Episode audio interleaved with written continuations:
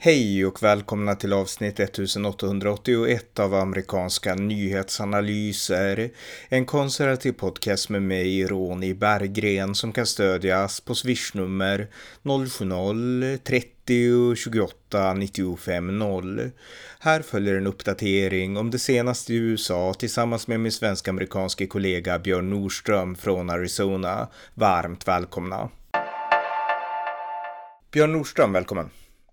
Tack så mycket. Vi ska återigen podda om det senaste som hänt i USA, så att ja, kör igång. Ja, vi kan ju börja med en skillnad på här i USA, framförallt här i Phoenix där jag bor och i Sverige vad gäller att i Sverige mesar man ju runt med kriminella och liksom gängmedlemmar och allt sånt där. Man vet inte vad, jag läste här häromdagen att i Sverige finns det väl 30 000 personer som är kopplade till gäng, varav 9 000 är med i gäng och så vidare. Va? Och ingen vågar liksom göra någonting. Här i alla fall såg jag nu, det kom ut en artikel bara idag, där 580 gängmedlemmar i Phoenix hade blivit, har blivit arresterade över de senaste 4-5 dagarna. Och de blev arresterade för olaga vapeninnehav, för droger, massa olika saker. Men det var en stor polisinsats där de hade då satsat stenhårt på att liksom anhålla massa gängmedlemmar för olika saker. det var en sån här koordinerad polisgrej då som hade liksom, som det gjorde då. Och det, det, det är det som gäller. Va? Man kan inte mesa runt och hålla på som i, svensk, som i svenska samhället och i Sverige då med med de här gängen och hålla på, utan det är liksom arrestera dem, hit, liksom, och sen får man hitta det, olaga vapen, droger, vad det nu är. Så att eh, det går att göra skillnad om man bara vill, om viljan finns, ja. även i Sverige. Och en skillnad mellan Sverige och USA som är, alltså det är alltid värt att nämna det, för att jag menar här i Sverige så har man i alla fall förr i världen, jag vet inte om det är lika mycket nu, men man har kritiserat USA för att de är så tuffa, poliserna skjuter och så där ska man inte bete sig liksom. Men jag menar, det USA gör, tyvärr så är det ju inte alltid så i USA, men, men alltså man drar ändå en linje, man, man ställer sig på liksom, man kan absolut tycka synd om brottslingar, ibland kan det vara synd om dem, men liksom det man gör i grund och botten, det är att man ställer sig på medborgarnas sida och säger att det viktigaste är att medborgarna är trygga. Sen i praktiken är det ju inte alltid så i USA heller. Men alltså den inställningen, mentaliteten finns på ett sätt som det har inte gått in i Sverige, utan här är det liksom att det värsta som kan hända det är om det händer något dumt med en brottsling. Då är vi dumma. Alltså absolut, de ska inte behandlas fel, men alltså grundprincipen måste ju vara att rätten ska skydda medborgarna liksom. Grejen här i USA och här i Phoenix då, det är ju det att gäng, alla vet om att man är med i gäng och då, då vet man att gängmedlemmar, de har olaga vapen, det är massa skjutningar, de håller på att mörda folk, de håller på med droger och så vidare och så vidare. Va? Det enda sättet att få stopp på det är att anhålla dem och sen trycka in dem i fängelset. Det är väl det som är grejen. Va? Och jag tror att det finns väldigt lite, även bland offentligheten här i USA, så finns det väldigt lite sympati för gängmedlemmar som håller på med det beteendet. Jag tror att i Sverige, framförallt inom vänstern, så tror jag att sympatin för gängmedlemmarna är mycket högre och sympatin för offer är mycket lägre i Sverige. Här tror jag det är ganska tvärtom i, i offentligheten. Ja. ja, något mer? Ja, vi pratar ju ofta om Joe Bidens grodor som han kastar ur sig. Uh, han hade, var det igår eller förrgår så hade han en, um, en middag för en, en, en grupp personer då. Och då höll han ett tal och han berättade för dem att han ska, hans nya plan, det, det, jag, jag trodde först inte det var sant, jag var tvungen att dubbelkolla det här för att det var en meme en sån här, uh, redan som, som liksom flöt runt på nätet. Så jag, men visst var det så. Han, har, han sa i sitt tal att han ska bygga en, en järnväg, en tågjärnväg eh, över, över Stilla havet och Indiska oceanen, med andra ord från Kalifornien till Australien. Och sen så avslutade han det och sa att nu kan jag inte säga någonting längre därför att vi har inget skript att gå efter längre så nu är det bäst att jag håller tyst. Han hade redan sagt så. Jag trodde först det var ett, liksom, det var ett skämt när jag läste det där men mycket riktigt, det stämde. Det var hans verkliga citat. Han har liksom tappat det helt alltså. Ja, ja. Ja, Okej, okay. och då har ni motsatsen till Trump i sådana fall. För Trump han pratade gärna på utan ett transkript. ja, ja, precis. Ja, mm. ja. Ja, eh, en sak jag tänkte säga är att vi har pratat förut om brottsligheten i San Francisco på västkusten och de här inbrotten i butiker och sådär i San Francisco. Och jag tror att du berättade i någon podd, jag vet inte om det var den staden, men det är i den staden också, att butikerna låser in allting, alltså alla ja. varor, det ligger inte på öppna hyllor. Ja. Och nu läste jag en artikel här om att det man måste göra för allt inlås, så att kommer en kund måste kunden ja. eh, ropa på en, eh, ja, någon i personalen som kommer med en nyckel och låser upp för att du ska köpa en flaska, inte vet jag, eh, ja, men hårschampo eller vad som helst liksom. Yep. Och det tar tid både för kunden och för personalen och alla blir irriterade och halva dagen går åt för att du ska handla liksom vanliga basprodukter. Och eh, ja, det, det, är liksom, ja, det kan inte vara bra för business att ha det så. Sen har de samtidigt inget, inget val känner de. Och priserna går dessutom upp därför att det krävs mer personal för att helt enkelt liksom hjälpa kunder så att priserna går upp. Så det är liksom ett resultat med. Mm. Det är ju inte en hållbar, en hållbar situation och det är därför många affärer som som lägger ner i San Francisco, även hotell håller på att lägga ner i, i centrala San Francisco. Det, går, det, är inte en hållbar situation, det fungerar inte, priserna går upp, man lägger ner, man liksom, det, det är meningslöst att driva ett företag eller ett hotell eller en affär i San Francisco helt enkelt. Och det, det, liksom det, mm. Tyvärr har det blivit så. Jag såg just, jag läste idag just att i alla fall att uh, jag, jag letar efter den artikeln här, har på att gå igenom, men det var mm. någon som var uh, att, eh, jag, skrev, jag skrev att eh, det, det, är nu ett par politiker i San Francisco som är demokrater som faktiskt har börjat sagt att nog är nog och har börjat vill ha hårdare, hårdare tag helt enkelt. Mm. Men, så att det verkar som att San Francisco har nått väg ände med sin vänsterliberala politik, även hos demokrater. Mm. Ja, det, det, är väldigt bra.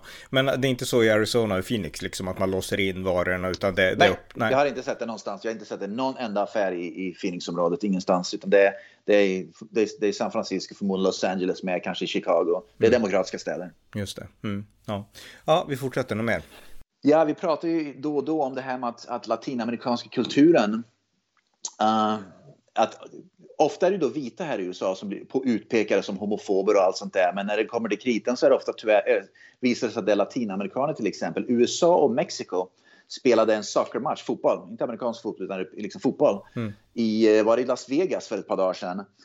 Och tydligen så domaren var tvungen att bryta matchen när det var ett par minuter kvar därför att det var de eh, mexikanska fansen på läktarna gapar så mycket homofobiska kommentarer till den amerikanska målvakten. Jag vet inte om amerikanska målvakten är, är homosexuell eller inte, va? men domaren bröt matchen i förtid därför att det var så mycket, homosexuella, så mycket homosexuellt hat och hets mot målvakten i USA. Va? Och det här är någonting som... Är han homosexuell? Det, det, min gissning är ja, förmodligen, men jag har faktiskt ingen aning om det, det vet jag inte. Eller, men det är tydligen väldigt normalt, jag läste vidare om det där, det är tydligen väldigt normalt när Mexiko och latinamerikanska eh, lag spelas fotboll mot till exempel USA, att de gapar homo, liksom homofoba saker, mm. oavsett om de är homosexuella eller inte. Det är liksom deras stil på läktarna i mm. talkör, att liksom gapa homofoba saker. Va? Så, så att det kanske inte har någonting att göra med att personen är homosexuell, det är bara det de gör på läktarna. Poängen är här att det är någonting som Demokraterna och vänsterliberal media aldrig vågar ta upp och säga att den verkliga homofobin som verkligen då blossar upp under en fotbollsmatch till exempel, det, den finns faktiskt framförallt hos latinamerikaner för de är mycket mer konservativa och mm. traditionella vad gäller könsroller och så vidare. och så vidare. Va? Men när det gapas om homofobi i amerikansk vänsterliberal media och hos demokrater, då är det vita liksom cismen ungefär. Det är liksom de som är problemen. Va? Nej, men alltså, det, det, var, det, det, var en jättebra poäng. För jag menar, vi har ju muslimerna som är ännu liksom mer brutala när det gäller homofobin. Men jag menar, de som är, det, här är poängen. De som är minst homofoba, det är vanliga vita liksom, jag menar västeuropeer, alltså inte bara vita, men generellt det, det är ju generellt, alltså de som kommer från Västeuropa som är toleranta mot eh, homosexualitet och liksom icke-heteronormativitet. Och det gäller även republikaner som är konservativa. Jag menar, republikaner som är konservativa, kristna som stöder vanliga vanliga traditionella äktenskap och som inte stöder kanske ens gayäktenskap därför att man inte betraktar det som ett riktigt äktenskap. De skulle aldrig ropa liksom bög på läktaren i alla fall, inte en chans liksom, aldrig. Inte. Nej, nej, nej, absolut inte. De skulle aldrig använda smädesord, alltså sexuella ord, det skulle inte ske liksom. Så att jag menar, ja, och det, sånt reflekteras ju inte över media, utan då är det de här republikanerna absolut. som är talibaner, trots att de ja. aldrig skulle liksom göra något, en fluga för den här på en homosexuell, utan de tycker bara att liksom man och kvinna det är det rätta, men det är inte att de är otrevliga eller elaka eller liksom liksom. Så att, ja. ja, och det är precis det vi pratar om vad mm. gäller vilka vilka är det som till exempel då förstör om det är om, om det är till exempel hbqt-grupper som sätter upp bord och, och liksom för att, för att ställa ut hbqt. Konservativa kommer ju aldrig upp och börja förstöra de där borden utan de, de, bara, de kanske protesterar men de gör det i tysthet eller de bara gör det på ett fredligt sätt. Men när konservativa sätter upp ett bord och säger att vi är emot abort, då kommer en massa vänsterliberaler och liksom aktivt attackerar dem och fysiskt liksom slår ner dem. Och det, men det är något som media aldrig tar upp. Man liksom döljer sånt där. Mm. Nej, nej, precis. Eh, vi, vi, vi pratade om San Francisco nyss och jag minns att vi pratade om, jag nämnde en bok som Malin Ekman på SvD hade skrivit i vår förra podd tror jag. Och eh, hon rapporterade ibland från Chicago och hon rapporterade väldigt sanningsenligt där om liksom hur våldet ser ut och brottsligheten hur den ser ut. Och sen läste jag också, för jag skrev en recension av hennes bok, jag läste en artikel som Magda Gad som arbetar för Expressen hade skrivit 2020 när hon av alla var USA-korre. Hon var inte jättebra tyckte jag, tvärtom. Eh, men hon hade varit i Chicago och hon menade då att det som vi ser här, det samma sak som man kan se där USA krigar och folk jag pratar med då menar att det är typ Donald Trumps fel. Och jag menar, noll koll. Jag menar, dels var Donald Trump president och dels så är det som du själv berättar, alltså i de här städerna så är det borgmästaren som en superdemokrat, då var det Laura Lightfoot, som, det är ja. de som bestämmer, polisdepartementen är liksom, ja. alltså Donald Trump hade ingenting med våldet i Chicago att göra, utan tvärtom då, liksom, alltså att de ville kanske inte in, ha in nationalgardet som han ville skicka liksom. Så att jag menar, ja, du ser där liksom, alltså man vill alltid rikta det mot konservativa och eh, ignorera att problemen finns på vänstersidan. Ja, och jag nämnde förra, jag tror förra på den här killen Zuby, den här Z-U-B-Y, mm. Eh, och han pratar just ofta om sådana där saker, att, att han, han, han liksom uppe går ut och säger att ni som är svarta, varför röstar ni fortfarande på Demokraterna när ert samhälle ser ut så här och ni får precis samma resultat gång efter gång? Han är en väldigt aktiv i den som jag nämnde då i den podden, att jag hade ingen aning om det var, men han är väldigt aktiv i just den debatten och pratar om sådana saker. Va? Mm. Att ni skyller på helt fel personer. Det ni ska skylla på det är borgmästare, det är guvernör, inte på en, en, en republikansk president, för han har ju ingenting med polismyndigheten i er stad att göra. Han har ingenting med brottsligheten i er stad att göra. Nej, nej exakt. Så skyll på rätt person. Mm, ja, precis. Och lär dig förstå vad som är rätt och fel ja, personer också. Liksom. Så att, ja. Ja. ja, något mer? Ja, jag såg att uh, amerikanska högsta domstolen Uh, när uh, det kom ut en undersökning, opinionsundersökning nyss som visar att den, jag tror 90 procent av amerikanska, 91 procent av amerikanerna anser att, um, att uh, det, det, är för mycket att, att högsta domstolen håller på att bli för mycket politiserad. Med andra ord att politiken lägger sig i för mycket i högsta domstolen. Med andra ord, håll politi politiken, politikerna ifrån högsta domstolen. Mm. Så med andra ord, det är väl det man ser att Demokraterna vill ju liksom trycka in politik i högsta domstolen, va? men amerikanska folket, även demokratiska väljare, är emot den idén. Mm. Så med andra ord, amerikanska folket med råge, med stor, stor majoritet säger att vi vill inte att högsta domstolen ska bli politiserad. Håll politikerna borta från högsta domstolen. Låt högsta domstolen vara helt oberoende från politikerna. Men politikerna, framförallt Demokraterna, har svårt att hålla fingrarna ifrån det därför att de vill ju ha det resultatet som de vill ha av politiska skäl i Högsta domstolen. Men de respekterar inte Högsta domstolens roll. Men i alla fall, stödet finns inte för att politisera Högsta domstolen här i USA, inte ens bland demokrater. Mm, just det. Mm. Ja, något mer? Ja, tydligen så var det en sån här uh, tavla då i Sverige såg jag, som, en monettavla som då blev förstörd Eh, vandaliserad var det för några dagar sedan av det här eh, våtmarksträskfolket eller var det den här aktivistgruppen i alla fall. Och det, var just, det blev ju nyheter här i USA med och till och med vänsterfalangen, det här eh, The View, den här vänsterfalangen då på tv här gick ut och, och förkastade uh, våtmarksgruppens aktivism. Att liksom att, man drog, till och med de hade som här Joy Behar och Whoopi Goldberg drog en linje och sa att nu har ni, kors, ni har liksom, nu har ni korsat den här fel, linjen över, i sanden helt enkelt. Va? Aktivism är en sak, men att förstöra konstverk är, det är fruktansvärt. Nu har ni liksom hållit på att förstöra det som vänstern egentligen står för. Så mm. till och med vänstern här i USA, vänstermedia, börjar nu förkasta de här den här svenska då, aktivismen där som, som pågick med den tavlan. Så Just det. Ja, ja. Inget bra, inget, inte bra för Sverigebilden. Nej, nej, verkligen, verkligen. Ja, eh, något mer? Ja, för att gå, återgå till Joe Biden. Han gjorde kvinnor här i USA urförbannade. Uh, så Las Vegas Knights, det här uh, NHL-laget Las Vegas Knights vann ju då Stanley Cup för ett par dagar sedan. Mm. Och Joe Biden gick ut med ett tweet och sa att grattis Las Vegas, det här är ett första, ett första professionella mästerskap som ett, ett lag vinner ifrån Las Vegas. Uh, men det han glömde var att det var ett kvinnligt professionellt damlag som vann en amerikansk kvinnlig proffsliga i, uh, i basket förra året. Och tydligen så var det många kvinnliga basketspelare i den proffsligan som gick ut och blev skitförbaskade och sa att han totalt ignorerar att vi, Las Vegas Aces heter de, att vi vann den professionella kvinnliga basketligan förra året som det första laget som någonsin vann ett, ett, ett, ett, en, liksom ett mästerskap som ett Las Vegas-lag. Uh, så han struntar fullständigt hos kvinnor. De, de skulle vara transgenders, då hade han nämnt dem. ja, ja, precis. De var fel kön antar jag. Mm. Ja. de skulle vara riktiga kvinnor. Ja, ja, ja, ja, ja något mer. Något mer. Uh, Eh, amerikanska nyheterna tog upp för ett par dagar sedan och även det amerikanska utrikesdepartementet. Det här är inte bra för Sverigebilden heller. Det är tydligen en väldigt grov kriminell svensk som är efterlyst av uh, amerikanska myndigheterna och utrikesdepartementet har, sagt en, har satt upp en 5 miljoner dollar. Eh, vad heter det?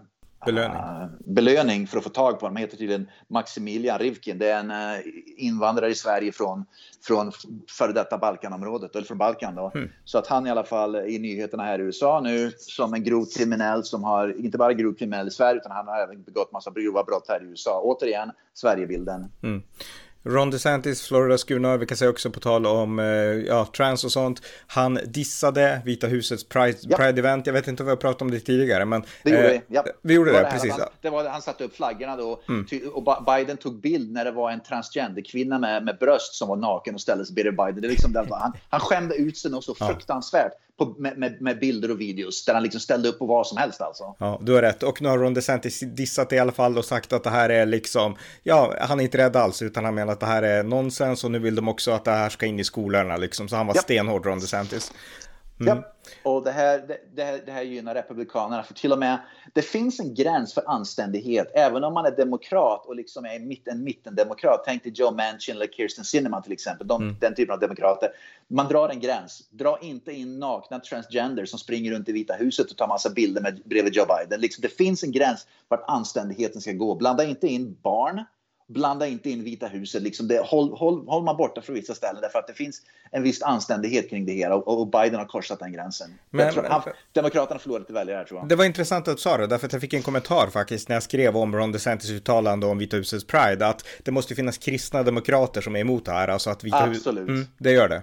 Ja, och jag tror inte det är bara kristen, du behöver inte vara kristen, du behöver bara vara en normal demokrat där du mm. säger att man har, man, det måste finnas en viss klass på Vita huset. Och det här, liksom, det, det här var liksom gränsen korsades då, att det här liksom blev obscent helt enkelt. Det mm. liksom blev liksom snuskigt helt enkelt, det Biden höll på med där på gräsmattan utanför Vita huset med, med Pride och transgenders som rände runt halvnakna. Mm, mm. Ja, något mer? Jajamän, eh, det här är intressant. Eh, Starbucks, eh, en före detta anställd vann, vann just nu en, en stämning mot Starbucks på 25 miljoner dollar. Hon blev sparkad, kommer du ihåg det här? Det, det var för en tre, fyra år sedan då Starbucks hade en policy, vem som helst eh, fick inte gå in på Starbucks utan om man gick in på Starbucks, det är ett stort, alla vet vad Starbucks är förmodligen. I alla fall gick man in på Starbucks då var man för att använda USAs toalett. bästa kaffe, vilket inte säger så mycket tyvärr. ja, precis, ja, precis. Gick man in på Starbucks för att använda toaletterna var du också tvungen att vara kund, man ord tvungen att köpa någonting. Det var en, ett par svarta unga män som gick in. De köpte ingenting. De liksom bara hängde där. Det, det kallas för loitering. De bara mm. hängde där. De använde toaletten. Sen så blev de då... De, de anställda då bad dem gå iväg och då blev det naturligtvis... Oh, de är rasister. Det där, hela det här köret. Då i alla fall så letade Starbucks upp någon, någon chef då på Starbucks som var vit som fick sparken. För de behövde, de behövde hitta någon syndabock som inte hade någonting med det här att göra på huvudkontoret. De behövde bara hitta någon syndabock som satt högre upp i huvudkontoret för att liksom, som var vit och för att säga att vi har liksom sparkat nu personen som är ansvarig för det här ungefär. Mm. Som inte hade någonting att göra med själva eh, händelsen då. Den personen stämde i alla fall Starbucks för att hon ansåg att jag blev sparkad enbart för att jag var vit. De letade upp mig för att jag var vit. Jag hade, jag hade ingen aning som pågick. Jag var inte ens ansvarig för det här området överhuvudtaget. Och hon vann i alla fall en domstolen 25 miljoner dollar. Mm. Uh, skadestånd av Starbucks därför att hon blev sparkad för sin hudfärg och att hon var vit. Så det var intressant. Det var liksom, hon blev sparkad för rasism som vit. Så att det, det hoppade, inte, hoppade inte borta än. Mycket välkommet. Ja, något mer? Ja, Uh, jag läste också att uh, det kom ut ytterligare en studie som jag, jag tycker studier är ganska intressant. Alltså, en studie kom ut som visar vilka, uh, vilka delstater som är mest och minst toleranta mot religion, framförallt mot kristendomen. Då. Och jag såg att de här delstater som då Vermont, Massachusetts, Nevada, Michigan, demokratiska delstater är mest intoleranta, minst toleranta mot kristendomen och religion. Och republikanska delstater som Texas och Alabama och så vidare, de är mest toleranta mot religionsfriheten. Mm. Och det ser man ju, det, liksom, det ser man ju. Och det, det, det, det, har att göra med att när det gäller delstatslagar, att man respekterar då religionsfriheten under First Amendment. Och det, det är väl det man, i, i grunden kan man väl säga att republikanska delstater enligt den här studien då, respekterar First Amendment. Eh, religionsfriheten är där mycket mer än demokratiska delstater. Mm, mm. Eh, jag läser också, det är mycket prat nu om allt det här med Burisma och Hunter Biden och även Joe Biden och olika skandaler. Och nu har Fox News kommit med uppgifter om att en av Bidens kampanjrådgivare gav råd till Hunter Biden om hur han skulle hantera Burisma-skandalen. Alltså Hunter Biden gjorde det han kunde och han var helt, alltså han var, han var inte bra, han är inte bra i tv och han ser alltid liksom så här väck ut. Och ja. eh, han försökte ändå hålla, jag minns det här, det var ju typ två år sedan, eller tre kanske till och med, han gick ut och var med på tv och sån här och skulle prata om Burisma och sa jag visste ingenting och det ena och det andra och skulle försöka låta trovärdig. Och eh, ja, nu vet vi att Biden-teamet verkligen försökte hjälpa honom, alltså sonen Hunter Biden, att styra upp det. Så att det har utan tvekan funnits ett tajt band mellan både Hunter och pappan. Så att, eh, ja, om sonen faller så kommer det att påverka pappan, alltså Joe Biden också, presidenten. Ja, det finns mycket skit. Så länge, så länge Joe Biden är president kommer ingenting att hända, varken sonen eller Joe Biden. Men om, let's say att Ron DeSantis eller Donald Trump vinner presidentvalet om ett par år, uh, då har ju då justitiedepartementet en helt annan ledare. Va? Och då tror jag det är mycket möjligt att Joe Biden och Hunter Biden kan bli indicted för både det ena och det andra. Jag tror det finns väldigt mycket skit om kan åka dit för. Mm, mm. Ja, något mer? Ja, Joe Bidens presstaleskvinna, vad heter hon, Karine Jean-Pierre, mm hon i alla fall under en presskonferens uttryckte att människor som är emot att transgenders, med andra ord att biologiska män ska få tävla mot biologiska kvinnor, det är en farlig utveckling att kritisera det. Så med andra ord att, att det normala är att män ska få tävla mot kvinnor nu och om du kritiserar det, då är du del av en väldigt farlig utveckling och samtalston. Mm. Och det är precis som Socialdemokraterna i Sverige. Va? Det normala, som har varit normalt och är normalt, det försöker de framställa att det är en farlig utveckling att liksom vara på den normala sidan. Och den här extremistiska sidan som faktiskt är väldigt, väldigt, väldigt liten grupp. Det är den som är den normala sidan nu och ja. måste skyddas. Ja. Och eh, återigen, alltså allmänheten håller på att vakna. Det gäller både Sverige och USA. Så jag menar, fortsätter de så här så kommer de att förlora allt stöd. Både Demokraterna och Socialisterna i Sverige. Ja, man ser verkligen här i USA att det har börjat vända med det där nu. Mm. Därför att det är allt fler som går ut öppet nu. Och, och inte bara Riley Gaines utan den andra kvinnliga idrottaren vi pratar om som, som simmar för för eh, Pennsylvania. Uh, och i samma lag då som uh, Leah Thomas, men även då ännu fler var ju en high school-tjej, uh, jag tror vi nämnde det med, nyligen, som också gick ut och pratade om att, när hon, hennes upplevelser mm. att, att tävla. Men så att allt fler som, som går ut och börjar prata, framförallt kvinnor och tjejer som går ut med det där. Mm. Och det kommer att bli allt fler och det, det blir svårare och svårare att demonisera dem därför att de har rätt. Mm. Ja, verkligen. Ja, något mer? Ja, kommer du ihåg det här att CHOP, det här, i den här auto autonoma zonen i Seattle för några mm. år sedan? Jag tror vi mm. pratade om det. Ja. I alla fall en, en, en glass, vad heter det, en glasskiosk som i alla fall blir totalt sönderslagen av de där CHOP-människorna har nu stämt uh, staden Seattle för att de blev vandaliserade. Med andra ord, staten Seattle skyddade inte den glasskiosken, förmodligen är det fler som kommer att stämma nu med antar jag, men i alla fall att staden Seattle gjorde inte sitt jobb att skydda dem från skadegörelsen som, som skedde. Just det. Mm, mm. Ja, något mer?